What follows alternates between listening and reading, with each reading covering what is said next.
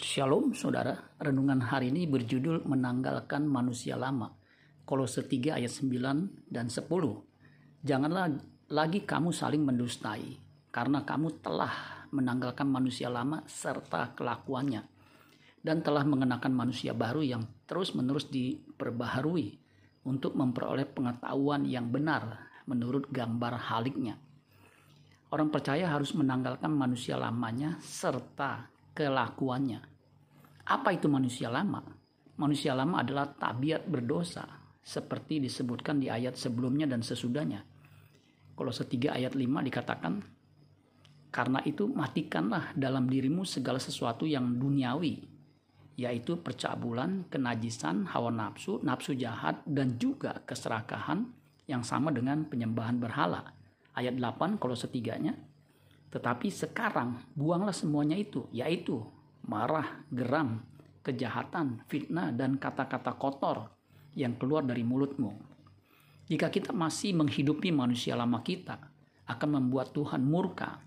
Kalau 3 ayat 6 semuanya itu dikatakan semuanya itu mendatangkan murka Allah atas orang-orang durhaka.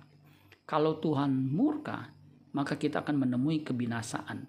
Efesus 4 ayat 22 yaitu bahwa kamu berhubung dengan kehidupan kamu yang dahulu harus menanggalkan manusia lama yang menemui kebinasaannya oleh nafsunya yang menyesatkan.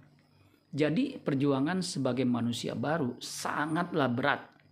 Tetapi Tuhan sudah menempatkan roh penolong, roh kudus dalam diri kita pada waktu kita percaya Yesus, percaya Kristus. Itulah sebabnya dalam hidup kita bersama dengan saudara seiman, kita harus saling mengingatkan dan menguatkan satu sama lain agar kita bisa mencapai kehidupan seperti yang Allah kehendaki. Ibrani 10 ayat 24 dan 25. Dan marilah kita saling memperhatikan supaya kita saling mendorong dalam kasih dan dalam pekerjaan baik. Janganlah kita menjauhkan diri dari pertemuan-pertemuan ibadah kita seperti dibiasakan oleh beberapa orang tetapi marilah kita saling menasihati dan semakin giat melakukannya menjelang hari Tuhan yang mendekat. Amin buat firman Tuhan. Tuhan Yesus memberkati. Sola Gracia.